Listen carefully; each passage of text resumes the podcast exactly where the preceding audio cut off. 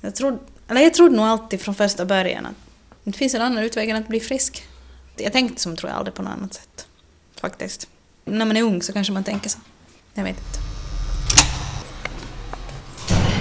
Jag är på väg upp till fjärde våningen i ett hus i centrala Jakobstad. Och jag ska träffa Eva Forsman som är bildkonstnär.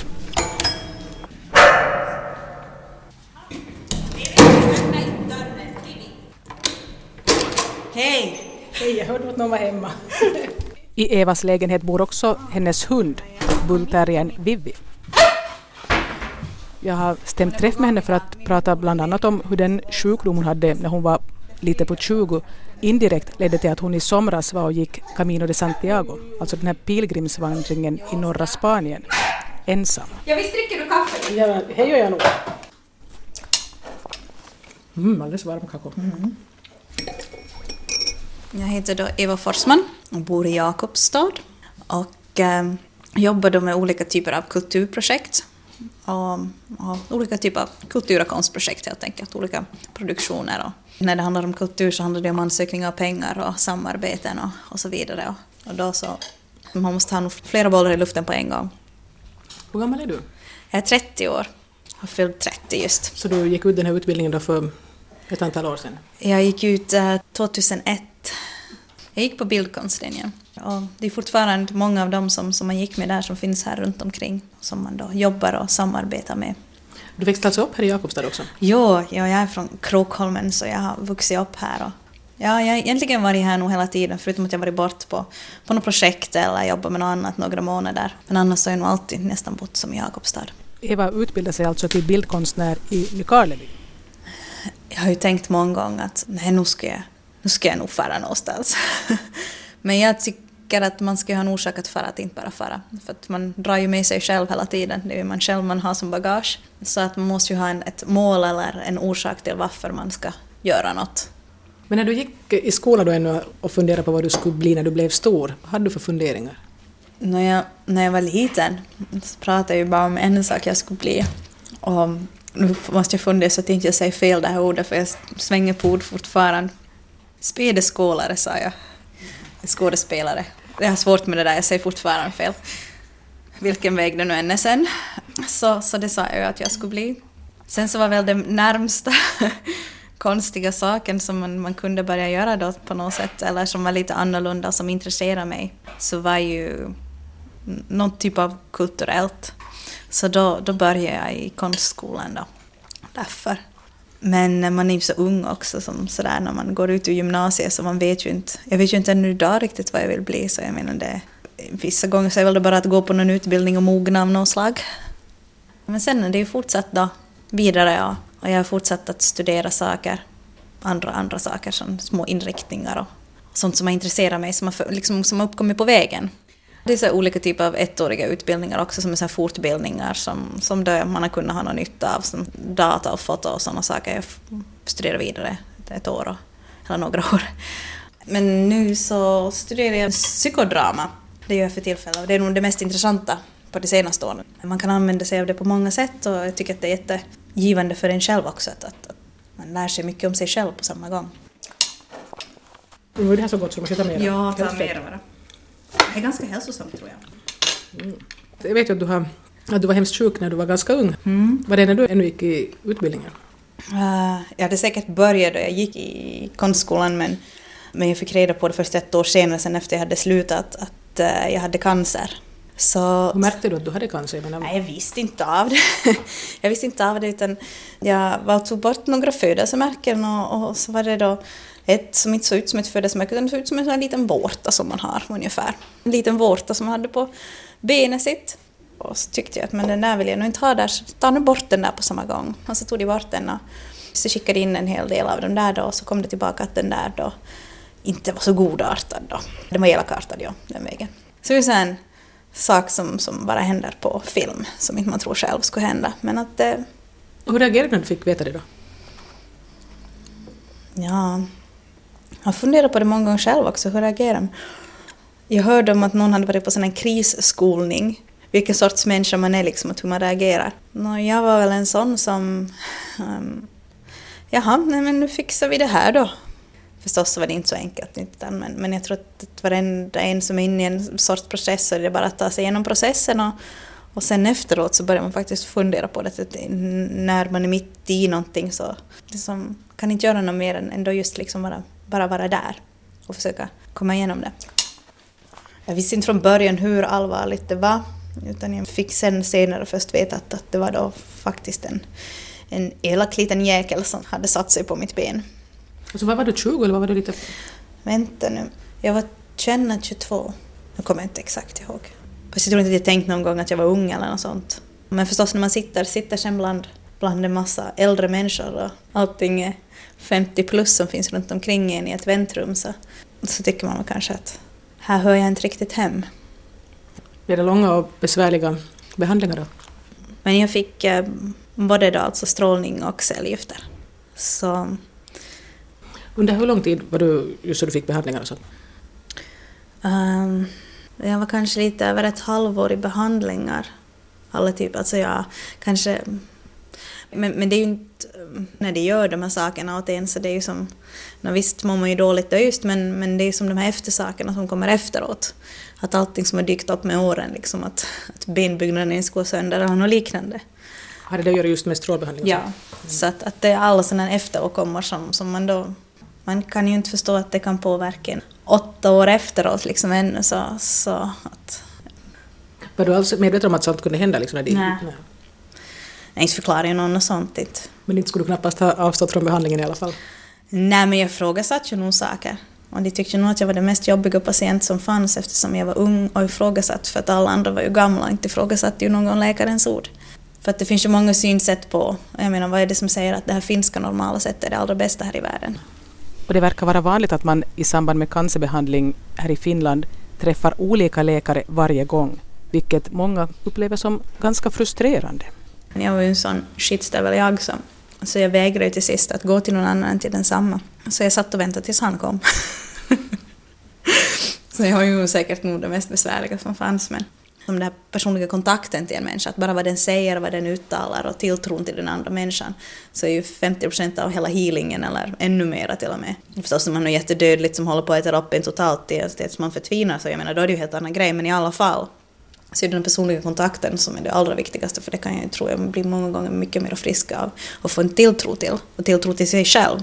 Så du helt enkelt krävde att få en sån kontinuitet i ditt system fast det inte egentligen finns inbyggt i det här? Nej, jo. Eller jag krävde inte, jag bara inte gick med på det utan de visste att när jag kom så...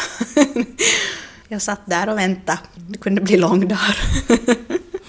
Men fortfarande så gjorde jag samma system. Man måste ju gå många år på kontroll så. så hade jag samma system. Jag ringde och kollade så att jag fick den människan jag ville ha och att den var på jobb och den var inte på någon annan avdelning då. Nej, men det är ju faktiskt det där ju som, jag menar om man har läst ens lite psykologi så ja. vet man att det funkar på det sättet. Det är, ju... Mm. det är nog hur man blir behandlad som jag tror är ganska mycket med hur man, hur man tillfrisknar också på olika sätt. Och många gånger är det inte så att, att när människor har någon typ av kris i livet eller har haft några, så man hör om att de, efter det så då bryter det ut för att deras psykiskt och fysiskt så är de ganska utmattade. Och då finns det ju aldrig chans att allt ska kunna bryta ut som en latent där bakom. Mm. Men du hittade i alla fall en människa som du fick förtroende för det? Nej, inte hade jag förtroende för honom heller, men jag hade mer förtroende för de andra. jag menar, alla vi människor är olika personer. Och alla har inte gått några kurser i hur man bemöter andra människor. Nej. De kanske borde. Ja, vad sa de åt dig i början? Fick du sån här, liksom, någon realistisk uppfattning om hur, hur svår behandlingen skulle bli och hur du skulle reagera på den och vad utgången förväntades bli? Eller var det bara att du slussades in dit och så blev du behandlad och så ja. ser vi vad som händer? Ja. Oj.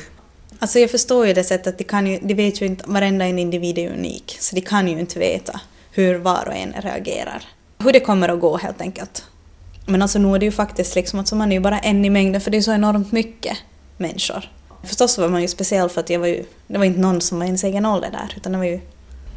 Ja, nej, det var faktiskt nog inte någon riktigt information. När man frågar så säger de men det kan inte vi svara på, det måste vi se, det får tiden säga. Och sen också var det ju det där också med språket, liksom att um, misstolkningar på grund av att man pratar olika modersmål som också uppstod. Men jag lärde mig att man ska inte heller fråga alldeles för många frågor för att man blir väldigt frustrerad över att inte få någon svar. Så att man, man måste liksom bara tro att man klarar av att, att, att, att leva liksom med en sån här oro. Och det gör ju människor. mer eller mindre. Men hos vem kunde du sen då ventilera din oro för när det inte var möjligt hos läkarna? Alltså nu hade ju vänner som... Men egentligen så var man ju som så mycket, jag var ganska mycket på sjukhus då också så att man var ju inne i den där sterila miljön på något sätt.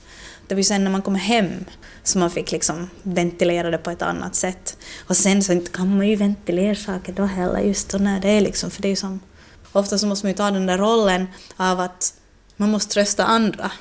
Att, eh, nej men herregud, det här går bra. Ja men herregud, det här har vet man klarat av tidigare. Jag låter som en sån här världens pensionär säkert vid 21 års ålder.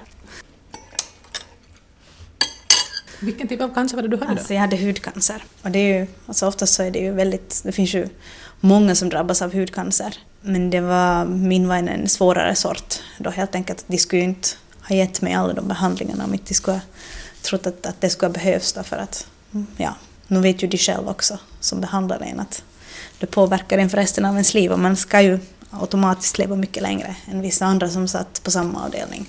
Så men, men ja, men den här hur jag ventilerade då. Nej men vad fan, man blir ju arg. vad ska man nu annars bli? Jag var frustrerad och arg och, och det fanns då en läkare som jag kunde bli så frustrerad på så att det var som helt otroligt hur förbannad jag kunde vara på honom. Men han dök upp där ändå varje dag. vi pratade inte om cancer utan vi pratade om böcker och vi pratade om allt annat och jag tyckte att han var världens liksom tönt. Men han fanns nu med och han var den enda som jag godkände att gå till. Men han pratade ju om alla andra saker. Filmer och om länder och sånt. Så där ser man ju hur mycket det påverkar en, liksom bara samtalet. Nå, I vilket skede insåg du då att det här att det höll på att, att du, hej, att du upplevde det här? Mm. Ja. Eller hade du någon, i något skede Nej, jag trodde, jag, trodde nog aldrig, jag trodde nog alltid att jag skulle överleva det. I princip så mådde jag ju aldrig dåligt. Alltså som... Du, inte ens av de här behandlingarna? Ja, det mådde ju. Det var ju jättedåligt. Men jag visste ju att det var behandlingarna så att bara jag som kom över dem så trodde jag att det skulle nog bli bra det här livet.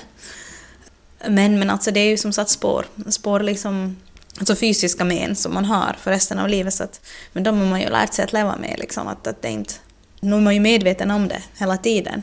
Man hör ju om sådana som får återfall, återfall, återfall hit och dit. Och det dyker upp här och var. Men, men att jag trodde, eller jag trodde nog alltid från första början att det finns en annan utväg än att bli frisk. Jag tänkte som tror jag aldrig på något annat sätt. Faktiskt. Kanske, man, kanske det var det när man är ung så kanske man tänker så. Jag vet inte. Vilka sorts men har du fortfarande? Nå, no, alltså mitt ben, de strålar ju det. Så att det är ju som benbyggnaden så är ju inte riktigt den bästa. Och strålning så påverkar ju alla lymfvägar och sådana saker också som inte fungerar. Och, men det är ju, alltså om man jämför med om, om, om man tänker på att man eh, lever. Så det här så är det ju som små saker. Fast det påverkar en varje dag, liksom. man måste se till det varje dag att det inte blir värre. Men ändå så är det sådana små saker liksom, om man tänker på att, att jag lever ju i alla fall. Men du sa att du måste på något vis motverka det varje dag, på vilket sätt? No, alltså om, om lymfvägarna inte fungerar i benet så, så samlar det ju vätska och det måste ju se till att det inte gör. Och, jag får inte sitta egentligen riktigt mycket utan jag skulle vara i ständig rörelse. Och eh, sen så är det ju också det här med att, att jag har ett, benet mitt har ju farit sönder i omgångar så att, att jag har en del järn i mig. Så att eh, jag måste se till att rörligheten hålls uppe i det också hela tiden. Bäst skulle vara om jag skulle vara i ständig rörelse. Vill du ha mer kaffe? Jo, du kan fylla på lite. Ja. Det kokar ju upp sig själv. Ja, ja. No. Jag ska äta kakao. Ja. ja. God kakao. Ja, är bra. Jag frågade Eva Forsman om det här att hon drabbades av cancer i så pass unga år på något sätt har inverkat på hur hon ser på livet. Alltså inte, inte skulle jag vara den person jag är idag om inte jag skulle ha varit med om det. Liksom. Alltså, allting formar ju en. Och jag tycker inte om det där klyschiga uttrycket liksom, att allt som inte dödar en så blir man starkare av. Men man blir ju stark på olika sätt. Allting så sätter ju sitt avtryck på en här i livet. Man skulle inte vara den man är idag på något sätt. Eva är alltså 30 och hon bor ensam i det som hon skämtsamt kallar singelkvarteren i Jakobstad. I Österbotten är det ganska vanligt att folk börjar flytta ihop och gifta sig någon gång efter 25. Jag frågar henne om inte hon har drabbats av någon sån lust. Um, nej, jag har som aldrig kommit... Jag har inte kommit så långt, om vi säger så. Jag tror, jag tror att um, många år där så var andra saker som, som har tagit mer tid av mitt liv och som, andra saker som jag har gjort helt enkelt. Så att jag inte som kommit så långt. Nu bor man ju bra så här och det är nog fel att bara särbo med, med någon. Kanske det också har med ens egna familjeförhållanden också, liksom att man beror på vilken bakgrund man kommer från själv också, att, att hur man ser på, på familjen i sig. Liksom. Hur ser du på familjen? Jo, nej, jag ser nog familjen är väldigt viktig och på det sättet, men att uh, jag var inte kanske uppvuxen med en familj där, där man har varit mamma, pappa, barn, dagis och född runt och varit med på fotbollsmatcher och hela liksom det här köret, utan det har varit, det har varit liksom en familj som alla haft sina liksom ganska stora åldersskillnader också, sådana saker som har gjort att människor inte har jobbat i Jakobstad utan runt omkring. Och, så att, att, liksom, att man har varit van med att människor har som kommit och gått på ett annat sätt. Så, så du har inte den här kärnfamiljsmodellen liksom i huvudet att det ska vara... Nej, nu tycker jag det ska vara så på ett sätt liksom. Nu tycker jag ju det liksom. Alltså, nu, alltså jag vet inte om det är en sån här sagovärld man lever i eller vad man nu lever i för värld men på något sätt är jag från Österbotten och men inte har det egentligen med Österbotten att göra heller inte men Nej men det finns kanske i större städer så finns det större grupp som lever på annat sätt. Ja. Men, ja. men sen så tycker jag att jag har ganska mycket vänner runt omkring mig som lever på många olika sätt. Och människor kommer ju och går genom livet så att inte är någon liksom ständigt för resten av ens liv. Inte, tror jag på det inte. Så att. Nej, det är bara i Hollywoodfilmer och ja. sagor. I sagor. Så att, att, kanske det är också bra att, att, liksom att lära mer om sig själv också, att, att vara lite för sig själv också. Ta berätta vad du gjorde här för dig själv i somras och vad som var orsaken till det. Ja, jag får ju då den här pilgrimsvandringen, då gick den. Eva pratar alltså om Camino de Santiago, den här pilgrimsleden som finns i norra Spanien. Ja, alltså jag gick då från um, Saint Jean-Pied-de-Port i Frankrike till uh, Santiago i Spanien. Det är då 800 kilometer cirka. Och um, varför jag gjorde då Ja, det var väl för att i fjol på hösten så sprack mitt ben igen. Så inte nu i höstas, utan hösten före. Så får mitt ben sönder och jag fick en del järn in i det igen för att det höll inte ihop. Jag måste ju ha något mål med saker sådär. Att, som, jag kan inte liksom bara myscha på för mig själv utan det måste finnas ett mål annars får jag inte gjort något. Så jag tänkte jag måste sätta upp ett mål nu då här. Och mitt mål var då att jag skulle gå de där 800 kilometerna på försommaren. Så då tänkte jag, men nu behöver jag bara börja träna då. så från att inte riktigt kunna stå och gå på benen så tränade jag då på vintern och så begav jag mig då ut och, och gick den här. Och inte kan jag ju säga att jag visste vad jag gav mig in på och inte trodde ju någon annan riktigt på mig, inte någon vågade ju säga något heller. Så då när de kom hem så alla berättade att men jag trodde att du skulle klara det. så det var nog en, en, en resa helt enkelt. En, en av de mest givande resor jag har gjort faktiskt. Med, med mig själv och med alla de andra människorna. Du försökte inte ens lura med någon kompis eller sådär? Nej, jag ville inte ha någon med. Det var min resa. Så jag ville gå själv. Man skulle, jag ville liksom bara vara för mig själv och gå det där. Hur länge tog det? Jag startade den sista dagen i maj och kom fram... Alltså det tog väl en månad cirka, ja. För att sen så semestrade några dagar sen efteråt. En månad gick jag på ungefär. Hade du förberett dig, förutom att du hade övat upp ditt ben, att du hade tagit reda på en massa saker vad man borde ha med sig och vilka saker som man absolut inte klarar sig utan och så vidare och så vidare? Eh, jag hade skaffat mig en bok, men jag hade pratat med några människor, men jag hade faktiskt aldrig kollat upp det ens på nätet liksom en enda en gång. Så jag hade min bok och jag tänkte nej jag ska inte börja läsa alla historier och alla sådana saker, nu ger jag mig bara ut på det här. Jag kollade flyg så jag flög och jag antog att det tog, kunde ta ett tåg från Biarritz, att det skulle gå något tåg från Biarritz till Saint Jean eller något liknande. Jag flög från Tammerfors till Stansted och redan Stansted så såg man hmm, den där ska gå, den där ska gå, den där ska gå, den där ska gå, för man såg ju på klädseln. Så då insåg jag att det här är inga problem, så lugnet liksom infann sig totalt. Så där, så då, ända därifrån så, så liksom kom man ju då i kontakt med vissa människor som, som då man hade mer eller mindre kontakt med under hela då vägen. No, för dig var det här tydligen att du skulle utmana dig själv, att du hade ett mål att du skulle öva upp ditt ben och kunna göra mm. det här. Märkte du att eh, det fanns några andra typiska orsaker som folk hade att gå det här? Jag menar, jag antar att det inte var en massa hängivna katoliker, alla som du såg där. Nej. Det en massor av människor, vanliga människor med en del kriser. Men det var typiskt att folk hade någon kris? Ja men helt klart alltså. Var det här din 30-årskris? Ja, mitt ben och min 30-årskris, ja, vi kan lägga det på det kontot. Jag väntar på nästa kris så jag får göra något annat spännande här i livet. Alltså förstås finns det ju de katoliker som det hör till deras, ja, till deras seder och bruk och traditioner att göra det där då. Och att, speciellt att gå de sista hundra. Men det var ju en turistattraktion den sista hundra så den så var ju inte alls någon rolig. Men, men sen eh, så var det ju då, ja det var ju äldre män som var pensionärer, blev ju pensionärer. Som gick mycket längre vägar, det gick som 2000 kilometer eller någonting sånt. De började någonstans långt bort. De hade kunnat börja där hem. De startade utanför sig och så började de bara gå, de här gamla farbröderna. Och de var bruna och klen som tusan och en vackert grått hår hade de. Så man visste ju precis liksom när de kom gående att du har gått långt. Mm. Men de hade liksom sån där visdom så ibland så behöver man inte säga någonting åt dem utan det var bara skönt att gå bredvid dem sådär. Bara att det gick jättehårt också, det gick jättemånga kilometer per dag också. Och inte kunde man samma språk men man gick nog bredvid varandra och log ibland. Så att det var nu, det var en grupp. Sen var det ju då de här svenska kvinnor, den rikssvenska alltså från vårt grannland, som gick då i grupper av tre och tre oftast. Och som gjorde som en tjejting liksom, de var ute och gick och gjorde det på flera år. Var det tjejer på 57 år eller? Nej, det var 30 till 50 Ja. ungefär. Men det var mycket ljud så man ville inte gå i närheten av dem heller.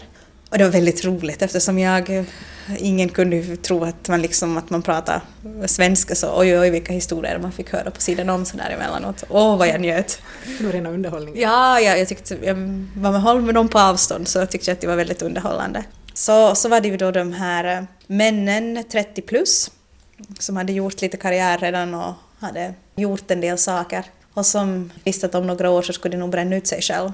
De var nog helt enkelt ta reda på om de skulle fortsätta med det där eller inte och det tyckte jag var väldigt sunt av dem. De var väldigt roliga. Så det var en time-out liksom. Ja. Mm. Mm. okej. Och så sen var det ju kvinnorna då i 35 till 45 som hade problem i sitt äktenskap och funderade att om de skulle lämna sin man eller så vidare. Det fanns en hel del av dem. Och människor hittade ju alla möjliga spännande saker på vägen också så att man kunde se Jaha, man träffade dem i början någon dag när man började där och plötsligt så hade de någon som det gick nästan hand i hand med på vägen där. Och så man visste att jaha, men du är gift där. så jag tyckte det var väldigt underhållande. Hittade du också någon? Nej. Nej, jag var faktiskt inte så intresserad. Jag gick min egen lilla väg så de kallade mig the Finnish Reindeer. Jag gick där på kanten någonstans för mig själv ganska ofta men nog fanns det ju intressanta människor som man träffade, måste man ju säga det. Men att det finns en sån här saying att What happens on the Camino stays on the Camino. Liksom så att vad som händer på den här vandringen så stannar på vandringen och det så berättar man inte eller tar med sig något utanför. Så du tänker inte berätta nu då? Nej! Så du gjorde egentligen en massa kul saker men du tänker inte berätta? Nej. Okej. Inte måste man ju. Nej. Nej men det var roliga minnen och, och hemska minnen också när fötter var sönder och knän inte höll. Och, och hur skulle man ta sig ner för någonting där man var mitt ute i ingenstans och visste att det var 10 kilometer till nästa sak och benen inte ville gå. Men det, man hittar ju alltid roliga människor på vägen liksom, som hjälper en. Man måste bara tro att det händer något. Så. Alltid, varenda gång när man hade någon kris så nog dök det upp någon som hjälpte en. Och så kan man ju alltid se ut som, liksom, som en liten flicka som är helt vilsen här i livet. Och det är jättepraktiskt, alltså kvinnor använder det här. För att många människor, så att man behöver bara se lite hjälplös ut så nog, nog fixar det sig på något sätt. Men tycker att den fyllde sin funktion den här resan för dig? Ja, det är ju nog det. Inte alltså, men sista slutligen så blev ju det här med benen mitt, alltså jag visste vad det men jag är ju så jädrans envis så alltså fast jag skulle ha gått med kryckor så skulle jag väl gått igenom det där liksom så att och det var ju jättekämpigt, jag har ju nästan glömt bort det för att när jag kom hem så var det mina vänner som såg mina fötter och de sa att det är det hemskaste de någonsin har sett. Jag slutade ju aldrig att ha liksom blåsor utan det dök ju upp blåsor under blåsor. Ja nej det var nog faktiskt Och du gick i alla fall? Ja, envis var jag ju så jag gick och men muskeln min också i benet, lårmuskeln så ville inte riktigt funka heller. Och, men, men jag hittade ju alltid hjälp på vägen. Så det var ju som, ja men nu fixar vi det här och så fortsatte jag. Men det var inte som egentligen, sist och slutligen så var det ju det där liksom att, att gå med sig själv och att hur man reagerar på alla människor man möter. Och hurdan människa är man egentligen? Det var ju en lite stress, fast det var jättelugnt, men det är en väldigt stressad situation på sitt sätt. Att vara med om någonting sånt här. Så att det var nog faktiskt jag har liksom, nu är det bara mera äventyr som gäller liksom, nu! Men tror du att du någon gång ska ha gjort den här vandringen om inte det skulle vara just att du hade den här cancern då för några år sedan? Nej, aldrig. Nej, jag skulle nog aldrig. Alltså, Alltså, du kommer på den idén heller fast... nej, jag tror inte jag, tror jag skulle... Ja, jag tycker att man, man lär ju sig hela tiden mera saker om sig själv, eller om man vill ta reda på mera saker om sig själv. Och om man vågar göra det, det är ju det också. Så det här så inser man att, att egentligen behöver man ju inte göra så riktigt mycket. Bara man har roligt och mår bra så är ju huvudsaken. Och man får göra lite halvhuvudlösa saker ständigt. Så då tror jag att då utvecklas man själv och det är nog jätteviktigt att det här låter ju som nu när man inte har familj och barn så ska man utvecklas själv då. Men nu hör, man kan ju höra sig själv ibland prata. Men alltså det är ju också att utveckla själv och skaffa sig barn. Jag menar inte. Och att gifta sig. Så kanske det är nästa steg det då. Men vet. Går du att fundera på det att du skulle vilja gifta dig? Nej, alltså alla människor runt omkring en. Alltså jag måste ju nog säga Jakobstad och den här babyboomen som finns här nu just så, så är ju nog liksom när det är liksom så närvarande. Men inte, inte någonting som är liksom någonting som man funderar på, men man känner närvaron av det. Vad var det viktigaste du tyckte du lärde dig själv om dig själv? Eller var det just det här att du bara bevisade att du minsann genomförde det? Nej, det var inte. För det visste jag nog inom mig att det skulle jag göra ändå. Envis som jag var så, så inte hade jag, jag hade inte som något annat, jag tänkte aldrig som att varför skulle jag inte klara det där? Nej, jag tänkte aldrig det. Så, alltså samma inställning som när du hade cancer, ja. att det där, klart du klarade det? Ja. Det viktigaste var nog att, att, se, att se alla de här människorna och att inse att det är ingen point att försöka liksom göra heller så mycket som möjligt här i livet. Att det är inte så mycket som du åstadkommer som gör dig till person. Utan alla är ju liksom de här samma vandrande individerna. Vi vandrar ju allihopa liksom. Åh, oh, herregud. Nej, det där lät nog... Jag hörde mig själv säga någonting som inte passar riktigt in i mitt uttryck här. Men uh, ja, alla söker ju hela tiden någonting. Och uh, man omformas och formas ju hela tiden liksom. Så att det är inte det är inte viktigast hur mycket du åstadkommer utan det är väl kanske liksom att försöka våga vara det där lugnet. För försöka vara i ett lugn och se vad som händer i det där lugnet. För att där tror jag att det är många som har svårt att vara idag. Och jag är en av dem. För att där kan det nog vara ganska skrämmande liksom det där. Så att, att fast jag nu har mycket saker ständigt på gång men det är ändå att... Um, ja, bara liksom få sitta med människor och äta mat och, och prata om saker tills nästa morgon liksom kan vara det allra mest givande, mer givande än att åka till Bahamas. Bara för att jag inte har råd att åka till Bahamas. Men, nej, men i alla fall, liksom att bara, bara försöka vara. Bara försöka vara. Det är ganska spännande. Vi konstaterar att du inte är katolik eftersom du är därför du gick det här, men har du någon sån där tro i bakgrunden? Alltså, jag tror på människans egen kraft, liksom, att, att, att man har en inneboende kraft som, som kan få en att utvecklas. Och jag tror att människans viktigaste sak är att vara medmänniska. Att man ska vara en människa bland andra människor. Att uh, ta in andra och kunna liksom också ge av sig själv. Liksom att vara en bland. Det är liksom det är huvuduppgiften för att vara en människa på något sätt. Sen vilken... Jag tror, jag tror på alla gudar. alltså jag har ingen, ingen speciell, men, men nog måste det finnas någonting, någonting där. Men det, det, man influeras av allt möjligt och man kanske formar lite sin egen lilla världsbild. Och det gör väl allihopa. Men att viktigast är väl bara att, att, vara, att vara en människa. Det är väl det som, är, det som jag tycker är viktigast. Hur ser du på framtiden? Jag ser nog ganska ljust på framtiden, ja. Jag tycker att det är ganska spännande nu just liksom allt uh, kulturlivet och faktiskt så är det ganska spännande tider inom kulturlivet här i Österbotten. tycker jag är spännande. Men sen så har jag ju nog jag måste ju, få, jag måste ju utmana mig själv. Kanske det finns något sånt att man ska utmana sig själv. Så jag har en del utmaningar som jag ska ännu liksom göra. Men jag ska inte bygga mig ett hus. Oj! Det var en oösterbottnisk eh, inställning. Ja, ja.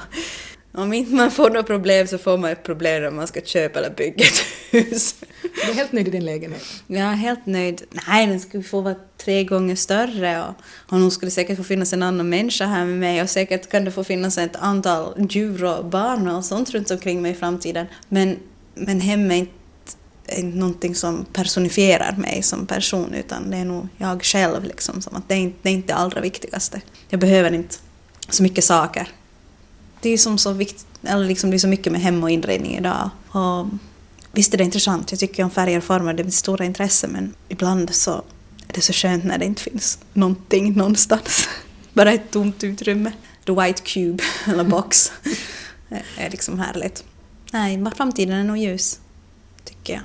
Det finns, man har många valmöjligheter. Det ska vara spännande att se vilken man väljer.